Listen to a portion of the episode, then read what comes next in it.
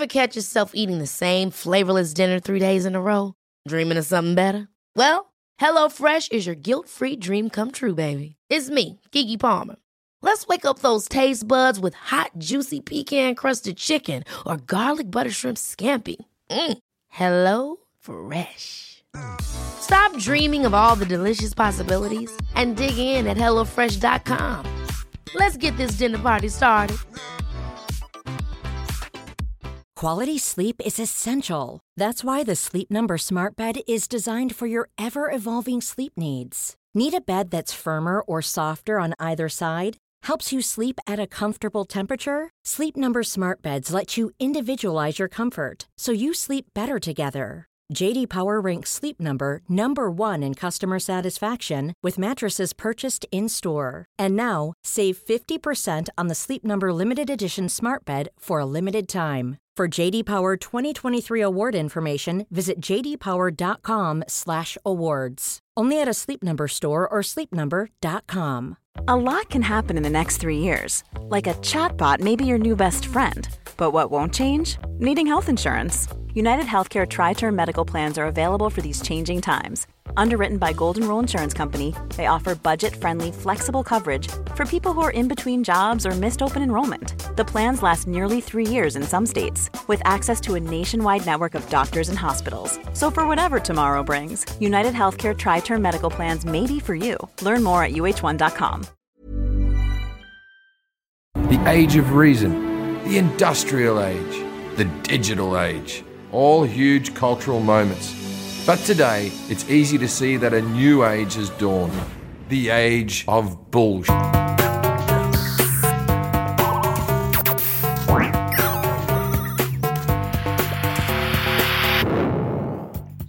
I don't like them putting chemicals in the water that turn the friggin' frogs gay. Do you understand that?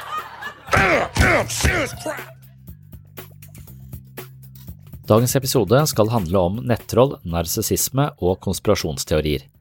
Mennesker orienterer seg etter tanker og følelser, og nyanserte tanker gjør bevegelsene våre litt mer kompliserte, mens enspora verdensanskuelser forenkler tilværelsen og deler den opp i rett og galt, ondt og godt, venn og fiende. Denne typen dikotomier gjør det lettere å orientere seg, men verden er sjelden så svart-hvitt. Vi oppnår en slags orden i kaoset ved å forholde oss skråsikkert til egne ideer og perspektiver, men prisen vi betaler er dårlig oppløsning på bildene vi har av oss selv, andre mennesker og verden for øvrig. Flere nyanser gjør fiendebildene mer kompliserte, noe som aktiverer følelser av motstridende valør, noe som i neste omgang anstifter en tvil der vi tidligere var bombastiske og skråsikre. Dagens episode skal begynne med å presentere en artikkel fra Psykologtidsskriftet som handler om konspirasjonsteorier. I Norge er det Asbjørn Dyrendal som er ekspert på konspirasjoner, og han kan vise til en del interessant forskning hva angår mennesker som abonnerer på konspirasjonsteorier.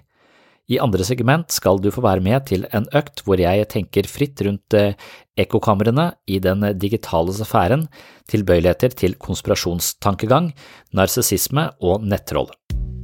Sånn umiddelbart når jeg tenker på nettroll, så, så lurer jeg på om uh om eh, sånn kommunikasjonsteknologi kan være med på å forstørre ulike psykologiske tendenser, eller gi de nye muligheter, sånn at de kan uttrykke seg på, på nye måter.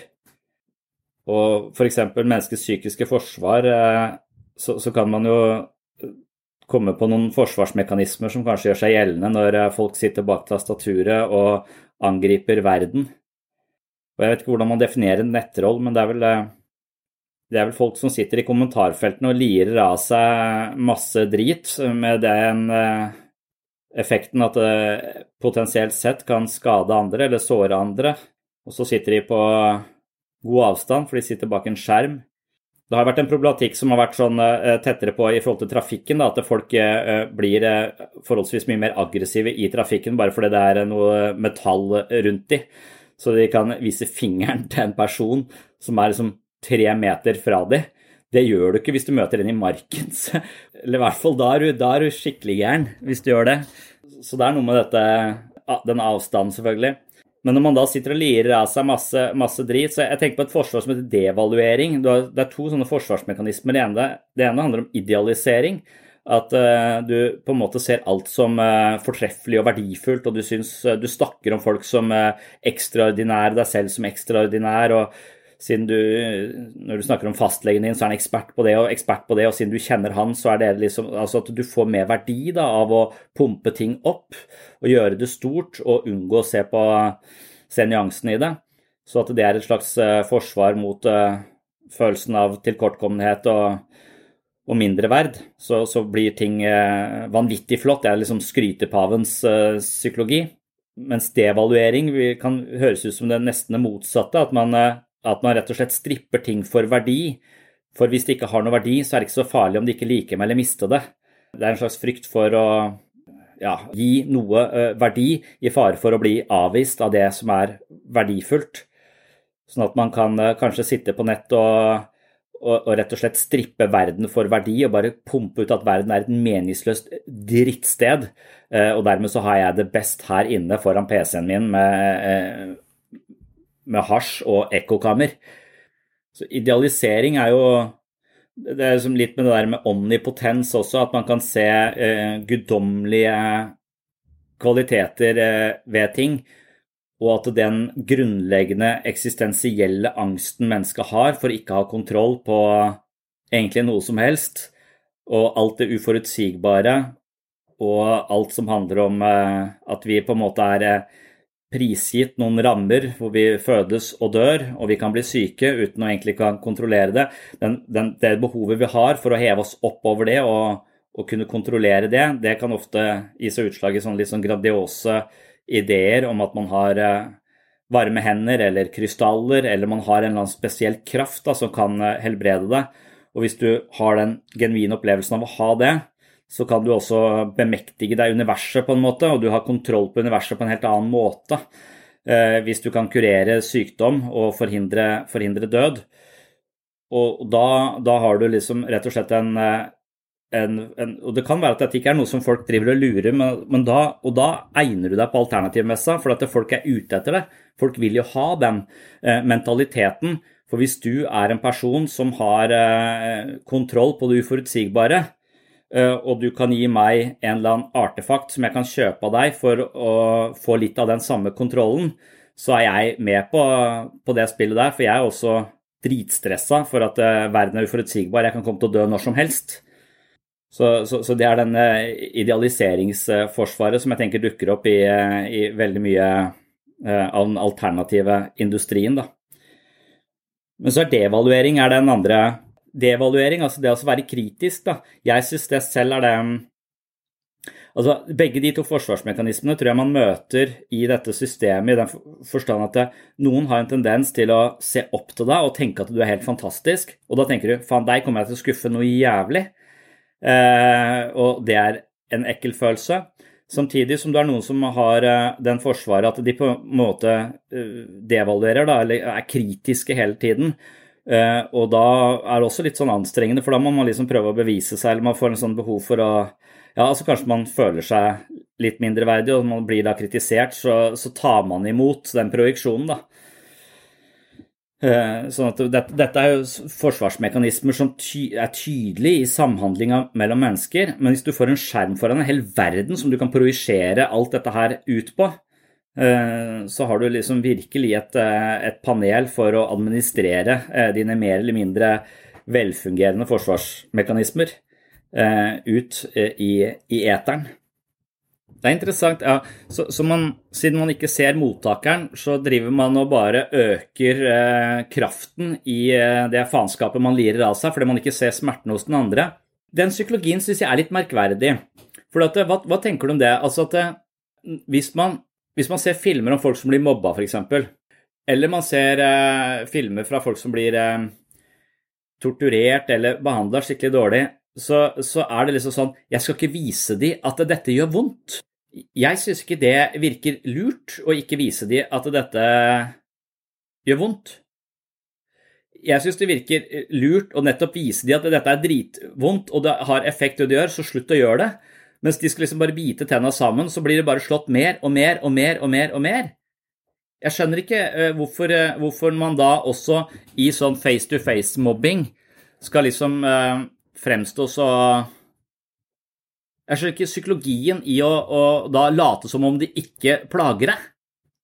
Så jeg synes, Hvis man snakker om sånn der, eh, det mellommenneskelige mediert av eh, teknologi, da, så kan det være som om det, som det ja, rett og slett bare forstørrer litt av uh, ulike egenskaper eller tendenser.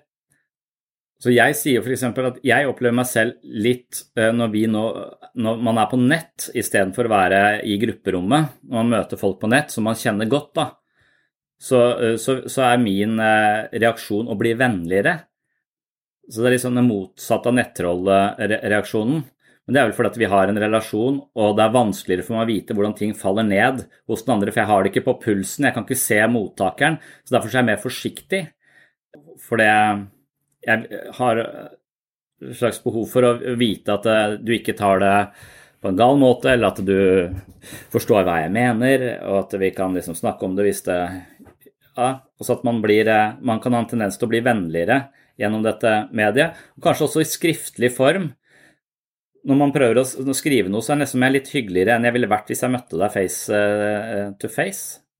Så det vil være det motsatte av nettroll. Altså, hvis du ikke ser mottakeren, så bare lirer du av deg ting, og så, og så, ser du ikke hvordan det faller ned, og så kan det falle ned og, og såre andre til de grader, men du, du merker det liksom, liksom ikke. Jeg syns det virker eh, du ser ikke konsekvensene, men det er da ikke helt eh, men eh, det er, det er, rart for meg ikke, at ikke folk blir mer utrygge av ikke se konsekvensene. At det vil være, vil være, Det er mye verre å snakke og forholde seg eller samhandle med noen hvor du ikke ser konsekvensene av, uh, av det du gjør. Uh, derfor så vil jeg f.eks. ikke jeg spiller, jeg, jeg spiller ikke sjakk på nett. Fordi at jeg, Det er verre for meg å tape på nett enn å tape face to face. Selv om jeg ikke ser eller hører noe fra vedkommende som har slått meg, så sitter det en eller annen gjøk og hoverer på et eller annet uh, rom. Og hvor dum jeg er. og selv om jeg ikke ser den reaksjonen, så er den verre for meg fordi jeg ikke ser den. Hvis man tenker at uh, psykisk sunnhet handler om å liksom være mentalt fleksibel til å kunne endre mening, til å kunne forstå ting på nye måter, og så hele tiden bevege seg, så, så, så, vil man eh, liksom i fravær av, eh, av, andre, litt preget av egen depresjon, lett kunne havne i et, eh, i, i et rom hvor, hvor, alt det du tenker er feil med verden, og årsaken til ditt faenskap blir bekrefta. Så, så, det, det, det, det, viktige møtet med andre mennesker er jo det der å avstemme sine egne eh, ideer som løper løpsk. Da. Så at isolasjon er er noe av det verste for psykisk helse, men isolasjon i ekkokammeret, hvor du egentlig ikke er isolert, du er bare omgir deg med stemmer som sier akkurat det samme som du selv, som du selv sier, det er kanskje enda verre enn, enn å være, være helt aleine. Det er nesten som du føler at du ikke er helt aleine, du har liksom bare et sånn derre kor som er enig med deg, og så, og så, og så forsterker det unyansene og svart-hvitt-tenkningen så enormt, da. Jeg har lurt litt på dette med konspirasjonsteorier av ulike slag. For jeg er ikke helt sikker på om jeg forstår hvorfor, eh, hvorfor, de, til, hvorfor de, er så tilfredsstillende. Men det, det, må jo være en eller annen psykologisk forklaring på hvorfor og Det er sikkert mange da, psykologiske forklaringer på hvorfor det er så, så, tilfredsstillende. For noen så tror jeg det handler om en sånn slags intellektuell overlegenhet. At man føler at man har skjønt noe som andre ikke har skjønt. Så det, det, er en eller annen sånn tilfredsstillelse i å være eh, eh, På en måte ha en opplevelse av å være i en slags elite. Men så, så, tror jeg også mange av disse konspirasjonsteoriene Det handler jo om at man kanskje ikke er helt fornøyd med livet sitt, og kanskje ikke har, eh, har alt det man skulle ønske seg. Og istedenfor å ta ansvar for å forandre på den situasjonen, så er det mer tilfredsstillende å ha en forklaring på det. Det er pga. Illuminati eh, som har gjort sånn og sånn med verden, så derfor så er vi jo hjernevaska parkert. Så, at, vi, så, så at det, det, hjelper meg å ha en eller annen utenforstående forklaring som kan, eh, hvor jeg kan forstå min egen lidelse, snarere enn at det f.eks. er tilfeldig. da. at jeg har hatt uflaks eller jeg er syk pga. sånn og sånn, så, så, så, gir man liksom lidelsen et, eh, et ansikt. Så hvis man lider, så er det ikke bare ja, du fikk en sykdom, en fysisk sykdom kanskje.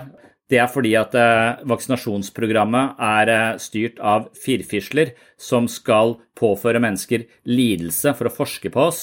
Ikke sant? Så, så er det bedre for meg at fan, eh, tilfeldigvis tilfeldigvis har jeg fått denne fysiske sykdommen, og det er bare, det er bare dårlig Det er uflaks. Mens hvis jeg heller da er det mer tilfredsstillende for meg å tro at det er firfisler forkledd som mennesker som står bak det, hvorfor er det bedre at lidelsen min er intendert av en eller annen konspirasjon, enn at det er tilfeldig? Er det, det er verre for oss å forholde oss til tilfeldigheter og uflaks enn det er å forholde seg til en eller annen spesifikk forklaring? Det er som å gi, et, gi vår egen smerte et slags ansikt, da, og derfor så har de eksistensberettigelse, disse konspirasjonsteoriene. Så man forenkler verden, på en måte. Det, så, så, effekten av en konspirasjonsteori er å forenkle verden. For det, faktum er at det er en milliard mennesker som samhandler, og det er så uhyre komplekst at det å prøve å utlede det vil ta en milliard, milliard, milliard år. Så det er helt umulig å forstå. Men hvis det er fire stykker på toppen, Illuminati, som styrer alt, så er hele greien innenfor en forståelig ramme, liksom. Men, men vil ikke dette for, for, Det er derfor jeg mener at jeg liksom hele tiden kan eh, eh, kan forsvare dette mantraet om at alt du tenker og føler er feil. For det vil være akkurat det er vaksinen mot konspirasjonsteorier, eller vaksinen mot fundamentalisme også. Jeg er ikke så opptatt av uh, Mitt område er ikke fundamentalisme mot, uh, mot verden, men, men, men, fundamentalisme mot seg selv, altså enspora og, og snevre fortolkninger av seg sjøl. Kan det være at uh, at kjennetegnet på psykisk sunnhet er håndtering av kompleksitet. Så jo mer kompleksitet vi klarer å håndtere, jo større sjanse er det for at vi ikke havner i blindspor. For det, hvis vi hele tiden jakter på en forklaring, så er det ofte altså vi, vi en forklaring utrangerer alle andre ø, forklaringer. Så, så, hvis man hadde hatt et mye og at det også ofte er, eh, er, noe som folk leiter etter hvis de har eh, problemer psykisk og kommer i behandling, så leiter etter den ene forklaringen. Og så konstruerer du en, eh, sammen med terapeuten en forklaring på at det var moren din som var sånn og sånn, eller var det den og den hendelsen? Og så lager man et narrativ som liksom kan legitimere min egen manglende fungering eller smerte, da. Men så er det egentlig plassert altfor mye. Eh, det er, altså det, det er, ingen kompleks forklaring. Det er, en, eh, det er en simplifisering av et årsaksforhold uh, til de grader som du, som du langsomt kanskje kjører deg helt fast i. Og, det er greit å ha sånne typer forklaringer hvis du, uh, hvis du samler på forklaringer og tenker at det er alltid to millioner årsaker til ting. Nå har jeg funnet ut av det med moren min, det var én, men én av to millioner, det er ikke så mye. Så da eller kanskje den veier enda litt tyngre, så at vi hele tiden må, må veie enhver hver årsaksforklaring. At, ikke, at, må, at, de som tåler å ikke konkludere, som er sånn hyper-postmodernist, eh, det er de som lever, de som tåler flertydigheten. da. Fordi nettopp at ingenting blir, er sant veldig lenge. Ting forandrer seg, og, ting, eh, og vi, vi, blir mer og mer opplyst. Vi får et mer og mer komplisert eh, og nyansert forståelse av ting. At, folk, at babyer skal ligge på magen var feil, nå skal de ligge på, eh, på ryggen. Kanskje de skal henge i beina. altså, vi, vi veit jo ikke hva som Jeg gleder meg til den dagen de viser seg at det å ta en gin tonic hver kveld er kreftforebyggende. Den, den, virkeligheten vil jeg gjerne bo i. Stå støtt på gyngende grunn hele livet, ja. Men erfaring tilsier jo det. For jeg mener at hver gang jeg er hos fastlegen, eller altså, hver gang jeg møter en eller annen instans som jeg tenker nå får jeg et svar, nå får jeg en plan, nå, så, så, blir jeg bare mer forvirra. Jeg, syns, jeg syns verden skuffer med, med tydelige årsaksforklaringer. Jeg, jeg blir skuffa så mange ganger at jeg slutta å, å, å, tro på det, så jeg skjønner ikke at ikke folks erfaring er at uh, at det aldri er så clear cut som en uh, enten-eller, eller uh, det, det, det, og det. Men det er kanskje nettopp det også, den skuffelsen der, da, ved å ikke få de entydige forklaringsmodellene, som gjør at vi lett eh, abonnerer på folk som tilbyr de. For da slipper vi å stå på gyngende grunn. Ja, ok, det skjønner jeg. Så, så, så okay, det er interessant, for, da, ja, for da åpna den, den, denne, denne innstillingen er sånn hyperpostmoderne hvor ingenting egentlig er mer sant enn noe annet. Og det er jeg også veldig redd for. Så jeg ville mene at man kan rangere øh, påstander øh, på, på, en ganske stor skala mellom totalt feilaktig, øh, helt virkelighetsfjernt og 20 eh, Altså at det fins en cutoff som er absolutt sannhet, men den absolutte sannheten eh, er aldri tilgjengelig fordi vi alltid filtrerer det via nevrosen og fortolkninger osv. Men at vi kan ha, eh, vi kan ha ideer som er mer eller mindre tett på virkeligheten. Og, og, da har vi redskaper til å prøve å verifisere de tinga som er naturvitenskap. Sånn at, sånn at klimaforandringer, f.eks., der må man, der må man eh, rett og slett bare telle opp hvor mange indisier eh, tilsier at dette er menneskeskapt og vi må skjerpe oss noe jævlig. Og hvor mange har vi på den andre sida som tilsier at dette er bare normale svingninger og dette går over og eh, bare slapp av. Og så Det er krevende. Ja.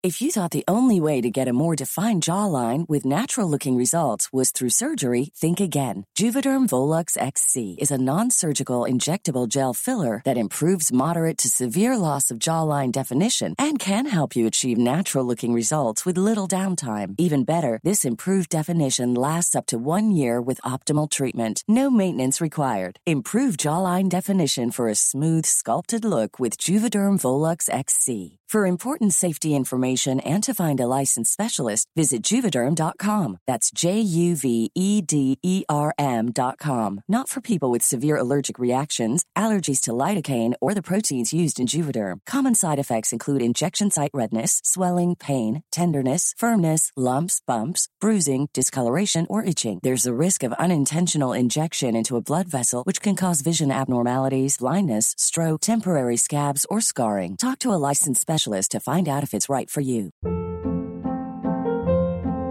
Hold up. What was that? Boring. No flavor. That was as bad as those leftovers you ate all week. Kiki Palmer here, and it's time to say hello to something fresh and guilt-free. Hello Fresh. Jazz up dinner with pecan-crusted chicken or garlic butter shrimp scampi. Now that's music to my mouth. Hello Fresh. Let's get this dinner party started. Discover all the delicious possibilities at HelloFresh.com. Cool fact a crocodile can't stick out its tongue. Also, you can get health insurance for a month or just under a year in some states. United Healthcare short term insurance plans, underwritten by Golden Rule Insurance Company, offer flexible, budget friendly coverage for you. Learn more at uh1.com. Men det kommer litt an på hvor mye altså tilbake Jeg tror det stammer, eh, eller bunner i hvor mye frykt et menneske har. For hvis at du har, ikke, ikke er full av frykt på masse uh, kjipe erfaringer osv., så, videre, så så er jo mangfoldige forklaringsmodeller uh, noe som kan pirre interessen til folk. Altså at, du, at det er hele tiden en mulighet for bevegelse i dette systemet. Du kan oppdage nye ting, du kan få nye opplevelser. du kan liksom, så, at så at det som er spennende, det som gjør forskning til et metaspill, er at du aldri kan være skråsikker på det du mener å vite. For det vil alltid komme nye rapporter som modifiserer det, og så må du ta en litt annen retning og en litt annen retning. Og det er et spill som aldri, aldri slutter. Og, og, det er dermed jeg syns også at eh, religion kan være et spennende metaspill hvis det aldri slutter, men med en gang religiøse folk har et entydig svar Han mener det, han er sånn. Eh, det er eh, bestefaren hans som fikk en åpenbaring i, i Arendal. Ikke sant? Altså, du får sånne folk som har, som har lukka systemet for deg, sånn at du skal bare forholde deg til det og det. Så har du fanga i et, et system som ikke er noen vekstmuligheter. Så, det, så, med en gang vi lukker oss inn i entydige forklaringer, så har vi også på en måte sagt at jeg vil ikke vokse mer. Jeg orker ikke å vokse, vokse mer, jeg tør ikke å vokse mer, for det er uforutsigbart og smertefullt. Men samtidig så er det eneste meningsfulle livsspillet Eller det er så viktig å, å ha muligheten for den typen eh, vekst. Så, det, så et system som er lukka, har entydige forklaringer på at 5G fucker opp uh, GPS-en til bier. Det, det kan jo hende at uh, ja, jeg, det, det, er, ikke enten riktig eller ikke riktig. Kanskje det er eh, en, at vi må vurdere den påstanden på en skala fra 1 til 1000. Kanskje den medfører en riktighet på 178. Men det er klart, på et eller annet sted så må vi ha, et, ha, et, ha en Vi må også klare å legge en eller annen sånn cutoff for hvor vi skal handle på ting, da. For, for, hvis vi hele tiden skal bevege, vi aldri, vi aldri kan ta noe vi, Så vi må på en måte bestemme oss at dette er det beste eh, utgangspunktet. Dette er den beste forståelsen, ansamling vi, vi har akkurat nå, som jeg handler fra denne plattformen. Uh, og om et år så har jeg en litt større uh, innsikt, så da vil jeg handle fra et litt annet sted. Kanskje gjort noe litt, uh, litt annerledes på det, på, det, tidspunktet. Så det gjør deg jo, gjør deg jo impotent, da, kanskje, å, å, å, gjøre forklaringer veldig komplekse. Fordi at flertydighet gir ikke noe, noe, godt utgangspunkt for, for handling. Og det er kanskje handling vi trenger, f.eks. i klima. Så denne holdningen her er eh, direkte klimaskadelig. Aha, når du hører på Dagsnytt 18, har du ikke tendens til å tenke at det de fleste sier er ganske fornuftig?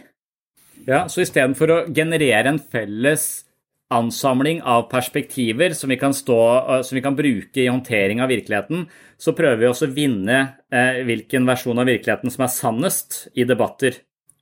Så internett har blitt en del av vår, eh, vår kollektivt uh, ubevisste, eller vår kollektive hukommelse på, på en eller annen måte også at det, og, og, de hele tiden fører oss, uh, akkurat som hjernen vår tilegner seg informasjonen allerede veit fra før, og prøver å passe ting sammen sånn at den får et eller annet helhetlig bilde som slipper å slå sprekker i verdensforståelsen vår, så vil hele denne kollektive hukommelsen vår operere på samme måte. Men har ikke, har ikke, sånn som han Tristan Harris, eh, som laget den dokumentaren, eller, eh, eller, eller disse YouTube-folka, de som har disse algoritmene har, Den der Down the Rabbit Hole The Daily hadde en sånn podkast som het Down the Eller en, hadde en sånn reportasje om Down the Rabbit Hole. Og, og det er ikke som at kanskje noen av disse store algoritmene har begynt å ta dette litt inn over seg. At de ser hvordan de på en måte er med på å forme Eh, verdensbilder eller fange folk i ulike virkelighetstunneler som ikke kommuniserer eh, sammen. Og at de vil de på et eller annet tidspunkt føle et slags samfunnsansvar og se hvor alvorlig det er hvis vi, hvis vi plasserer Hvis vi kun går ut ifra altså, eh, Det å tjene penger er det eneste motivasjonen bak disse, disse algoritmene. Det er noe det er liksom ikke noe infrastruktur som er laget for, at, for menneskets ve og vel eh, foreløpig. Men at man må tenke at, at, eh, at internett er en såpass stor del av vår, eh, vårt miljø at hvis ikke vi begynner å tenke litt eh, grønne lunger og, og sånt som vi gjør i byer, så, så, vil vi gå totalt til grunne. Jeg fikk kanskje et inntrykk av når jeg hørte den, hørte den podkastet The Daily, at, det, at det, sånn som YouTube var, begynte å bli litt mer oppmerksom på det. Eh, og at de kanskje også ville være tilbøyelige til å finne algoritmer som, som nettopp eh, skaper nyanser noe, eller presenterer noen andre synspunkter. Eh, men, men, jeg vet ikke om det bare er pjatt, at de, at de fortsatt vil være motivert av å tjene mest mulig. At, og, og, som er det som er litt farlig her, er at det, at det virker som om spesielt surfing på internett da, Eh, det parkerer altså De har laget en campingplass på Mount Stupid. Så, så du, du, blir du, Ofte så er det sånn at hvis du leser én bok, så tror du du har skjønt alt, men så begynner du å sette deg inn i fagfeltet, og så leser du mer og mer, og langsomt så skjønner du omfanget av hvor mye du ikke veit. Og omfanget av hvor mye du ikke veit, det gjør deg så ydmyk i forhold til det du, lille du veit, sånn at du, du, går fra å være skråsikker til ydmyk. At det er en naturlig bevegelse ved å, ved å lære seg mer. Men så virker det som hvis, du, hvis researchen din foregår på nett, så kan du researche i hundrevis av timer og være den mest researcha personen ever, men likevel være parkert på Mount Stupid fordi, har, fordi at det er algoritmene som har lurt deg inn. du Som, det er som korrupt bibliotekar så, som bare viser deg én type litteratur, istedenfor at du får lov til å gå rundt i, i biblioteket og, og, og, fange inn flere, flere perspektiver. da. Så hvis livsmestring er et fag som har noe, har noe ved seg, så tenker jeg at én ting er uh, at vi tar feil om verden rundt oss fordi vi har en korrupt bibliotekar som heter uh, algoritmer. Men, men, vi har jo de samme forståelsene av hvem vi er i møte med de menneskene vi vokste opp sammen med, som også, uh, også tar bolig i oss, og, som vi søker bekreftelse på. Så den psykologiske biten av. Det er helt parallelt. Til, eh, til det psykologiske eh, som man jobber med i psykoterapi. Så psykoterapi vil jo være det ville være det samme som å prøve å fòre folk med noen andre algoritmer. Eh, og de vil ofte ikke være mottakelige for det, de har ikke noe sted å lande de, de algoritmene. Fordi de er så fastlåste i, i, det synet som de har blitt flaska opp på. Og Det er, der, disse, det er der ethvert lukket trossystem er så farlig. Sånn som når jeg ser det i Jehovas f.eks. Altså at det, hvis du tror det er 100% sant, så er jo det Det er jo et grunnlag for handling. Altså, da må du jo forholde deg til den sannheten om at du er nødt til å prøve å overbevise folk om dette her, sånn at de ikke havner i helvete. Og hvis barna dine går ut fra det, så er det det eneste riktige å ikke Du skal overbevise dem om å komme tilbake. Hvis ikke du klarer det, så må du bare forlate kontakten, eh, kontakt med dem.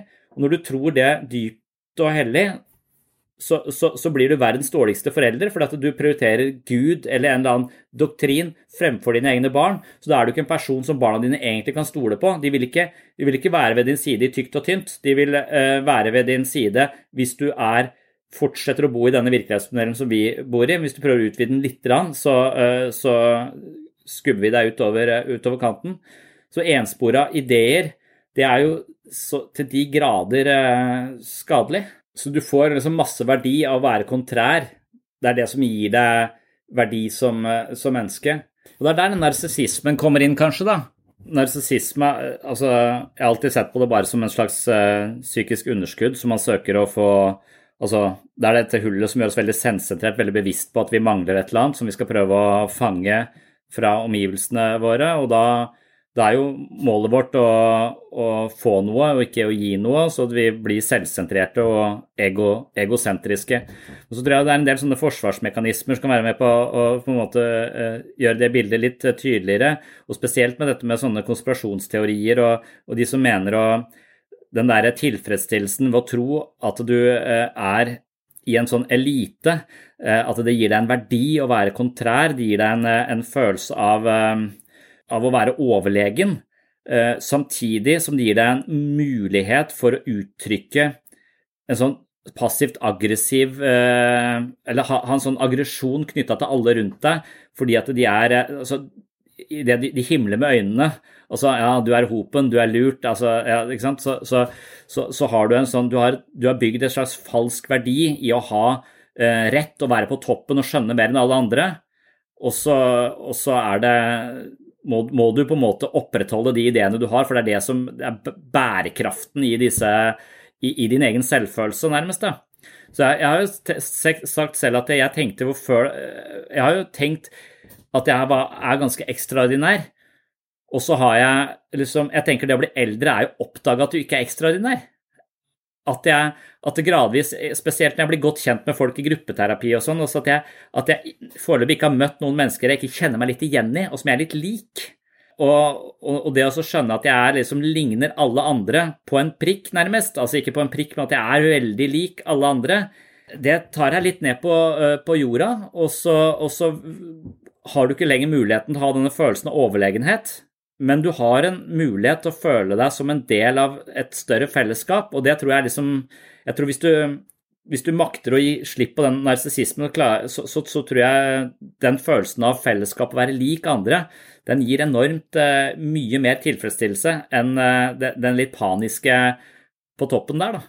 Og så at det vil være en uh, mens, mens, når du er, på, er på, på, toppen der, så har du vel et eller annet hull du skal, skal fylle. Og hvis det hullet uh, fylles med uh, intellektuell overlegenhet fordi du er så jævla mye smartere enn uh, en, en alle andre, da, da, tror jeg du får Ja, så, så, kan du liksom All den følelsen av tilkortkommenhet og sånn, den kan du projisere ut, og så kan du le alle de, de, idiotene. Så har du liksom en slags god balanse i ditt eget psykiske system. da. Du ler av idiotene som ikke har, har forstått det, hopen som går rundt der og og ikke skjønner eh, hvor farlig 5G er. Så, så, mens det å innse at uh, ofte så er det de som på en måte Eller det som er mest mainstream å mene, er ofte det som er eh, tettest på eh, virkeligheten. Ikke alltid, selvfølgelig, men ofte så er det det som er tettest på, på, virkeligheten. Og det tar liksom litt brodden av alt. Da, da blir du Da, da mister du den den opphøydheten i å, i å ha den lille overlegenheten overfor alle. Og det, det er noe med å snakke med sånne folk som, eh, som hele tiden eh, Hver gang du sier et eller annet, så, eh, så, så forstår de deg som et sosialt ekko som er hjernevaska, og så smiler litt sånn ironisk eller litt sånn kynisk over det du, det du mener, for at du, du har virkelig ikke, ikke, skjønt det, og så forklarer det. Altså, det det syns jeg er ganske sånn kaldt, og, og, det, og, det, virker, og man blir så liten i møte med det den overlegenheten man ofte finner hos disse som, som virkelig tror de har, har skjønt det. Og så, så, er det som om det, det, er noe drenert for en eller annen sånn fellesmenneskelig varm komponent, da, som jeg ofte savner. Altså kynikeren. Hvem er kynikeren? Eh, det, det er den som liksom hoverer på denne måten her sånn. Jeg, eh, men jeg vet ikke, vet ikke um, Narsissismen er jo mye det som du har sunn narsissisme. Altså det, det er jo når man virkelig eh, aksepterer seg selv og, og, og, og, blir glad i seg selv med sine eh, feil og mangler, og kanskje da kan føle seg eh, betrygga og få en slags følelse av godhet når man eh, omgir seg med andre folk fulle av feil og mangler. Altså vi er, eh, vi er litt like. Eh, mens den, den den patologiske narsissismen, det er den følelsen at den jeg egentlig er, den er ikke god nok, så jeg må være noe annet. Så man, eh, så man finner en eller annen drakt å ta på seg, som man eh, går ut i verden med, som, eh, som man vinner verdi. Og alt det som er i meg som ikke er godt nok, det kan jeg pumpe ut på alle andre idiotene. Så har jeg plassert det utenfor meg selv, og så har jeg denne drakta, men der er det ofte hult, da, for det har en slags fornemmelse. Narsissisten har det, det skal ikke så mye skraping til i overflaten før vedkommende kommer med dette raseriet dette, dette barnslige, dette treåraktige raseriet som dukker opp hvis du, hvis du pirker i Kari Akkesson. Så på Farmen. Det skulle ikke mye til før hun der klikka. en lakmustett for ut narsissister. Man må vel tenke at narsissisten forsøker å skjule en eller annen form for sårbarhet og vinne verdi i en eller annen uh, uh, fasong som man ikke helt føler man kan stå inne for, men som er en eh, variant av meg selv. Så jeg spiller en eller annen rolle som jeg får verdi, eh, verdi gjennom. Også, men så er det sånn, sånn falskt eh, spill. Det er som å eh, gi deg masse komplimenter for eh, brillene dine, eh, hvor fine de er. Det har jo ingenting med deg som, som, menneske å gjøre, så alle komplimentene du får for brillene dine, det vil jo være mer komplimenter til syns han, eller vet du faen jeg, hvem som lager briller. ikke sant? Så, uh, så, så, man går rundt og viser fram noe som egentlig ikke har uh, Ja. Uh, så den, den, personen som jeg tenker mest på sånn narsissistisk i sånn intellektuell overlegenhetsforstand, det er, det er, en som jeg vokste opp sammen med, som, som alltid kom på skolen med leker. og Hver eneste dag hadde han en ny leke som folk beundra. Og det, det, var ingen andre som hadde Jeg tror ikke det var lov til å ha med leker på skolen engang. Man hadde alltid med leker på skolen som han viste fram, og så fikk han masse oppmerksomhet på de lekene. Men det var jo ingen som egentlig visste han, eller husker han. Altså, eh, for vi, det var jo, Han hadde alltid noe annet enn seg selv da, som han fikk, eh, fikk bekreftelse på. Og Jeg kjenner ikke han i voksen alder, men jeg registrerer at han er en av de som, som på en måte hoverer litt og, og hele tiden legger ut sånne jeg har skjønt det, alle andre har ikke skjønt det på en sånn så, så, subtil måte som det er mulig å gjøre det. Men det er det som skinner igjennom. Du får en sånn kald følelse av alltid være blant de dumme når han legger ut et eller annet eh, i ulike kanaler osv. Så, videre. så nå viser han fram eh, ideer og intellektuell overlegenhet. Eh, før så var det leker. Eh, men jeg tror han eh, ikke vet jeg tror, han, jeg tror, han, har et hull inni seg som skulle vært fylt med gode relasjoner, men som han ikke klarer fordi han bare viser fram leker. Da. Eh, så egoisme, egoisme er jo også et hull, er det ikke det? da? Altså at, du, du har ikke nok, du må ha mer. Og du tror du skal få det fra noen andre, og du konkurrerer med andre om det du trenger, istedenfor å samarbeide med andre om å skape noe nytt. Så det er, eh, det er, hele tiden en konsumerposisjon. Du er ikke i et balanse hvor du kan gi og, og, og, og, være på. Det å gå rundt i verden og hele tiden trenge noe for andre og prøve å tilkjempe seg det eller manipulere det til seg, så føler man eh, at man har vunnet. Ah, 'Nå fikk jeg det ut av han, nå fikk jeg lov til å overnatte der i tre, eh, tre dager uten å betale strøm og, eller eh, hjelpe til med noe som helst'. Da, hvis du da føler at du har vunnet et lite poeng i en urettferdig verden, hvor du har kommet så dårlig ut av det, så er det det som å pisse i buksa når du, når du er kald. Altså du får en liten tilfredsstillelse der og da, så har du ødelagt relasjonene dine enda litt mer, og er enda lenger fra det du egentlig trenger. Som er det å kunne bidra inn i et fellesskap og føle tilhørighet og ha verdi, da, som eh, Dette var en av de korte bonusepisodene her på Sinnsyn. Målet mitt her er å servere noen tanker og lettbeinte poeng som du kan ta med deg inn i de neste dagene, gjerne i påvente av en ny fullverdig episode som kommer ut på mandag. Det du hørte her i dag er hentet som et lite utdrag fra mitt mentale treningsstudio. På Sinnsyns mentale treningsstudio finner du hundrevis av eksklusive episoder, videoforedrag, kurs og mentale øvelser fra sinnssyn. Som medlem på mitt mentale treningsstudio inviterer jeg deg på en reise langt inn i sjelslivets ubevisste avkroker. Gjennom trening kan vi styrke kroppen, men det finnes også mentale treningsformer som styrker psyken. Oppdag nye sider ved deg selv og andre mennesker med å laste ned Sinnsyn-appen og få et mentalt helsestudio rett i lomma. Appen kan brukes både med og uten abonnement, så den er gratis å laste ned. Sjekk den ut. Og hvis du vil eh, gå dypere ned i vårt psykologiske liv, lære deg meditasjon, yoga, teknikker for bedre søvn og investere i et eh, fysisk styrketreningsprogram i tillegg til mental vektløfting, kan du altså tegne et abonnement på Det mentale treningsstudio. Jeg vil påstå at det kan være en verdifull investering for din egen del, og samtidig vil et abonnement gi Sinnsyn verdifull støtte og muliggjøre produksjonen av denne podkasten. Det er på grunn av medlemmer av Sinnsyn at denne podkasten lever og oppdateres hver uke. Tusen hjertelig takk til dere som allerede er medlemmer, det er lyttere som dere som holder hjulene i gang her på Sinnsyn. Så hvis du vil høre denne episoden i sin fulle lengde, som gjerne ligger på rundt en time, så kan du laste ned Sinnsyn-appen eller gå inn på patron.com for segs sinnssyn. Du kan tegne et abonnement både via Patron eller via Sinnsyn-appen. Dette er imidlertid to forskjellige plattformer, så du må velge én av dem. Begge deler gir deg tilgang til mitt mentale treningsstudio. For å lokalisere episoden du har hørt litt av her i dag, så må du gå til premiummaterialet på Sinnsyns mentale treningsstudio og søke opp overskriften på denne episoden. Takk for følget, og på gjenhør i appen eller på Patron. Ha en fin dag, eller en fin natt. Oh, I'm just losing my mind, that's all.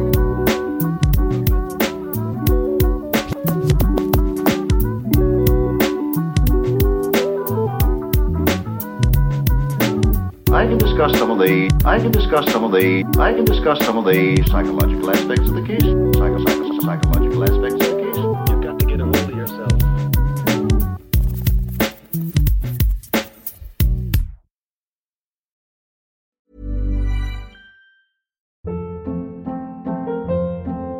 Hold up. What was that? Boring. No flavor. That was as bad as those leftovers you ate all week. Kiki Palmer here, and it's time to say hello to something fresh and guilt-free. Hello Fresh. Jazz up dinner with pecan-crusted chicken or garlic butter shrimp scampi. Now that's music to my mouth. Hello Fresh. Let's get this dinner party started. Discover all the delicious possibilities at hellofresh.com.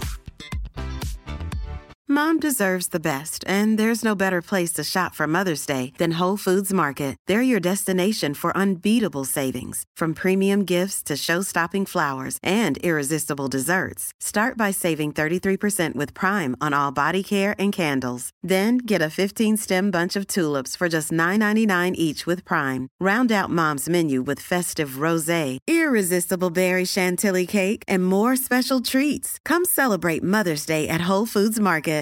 Hey, it's Paige DeSorbo from Giggly Squad. High quality fashion without the price tag. Say hello to Quince. I'm snagging high-end essentials like cozy cashmere sweaters, sleek leather jackets, fine jewelry, and so much more. With Quince being 50 to 80% less than similar brands.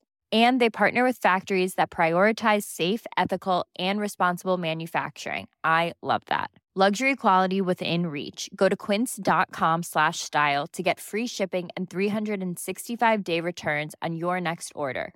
Quince.com slash style.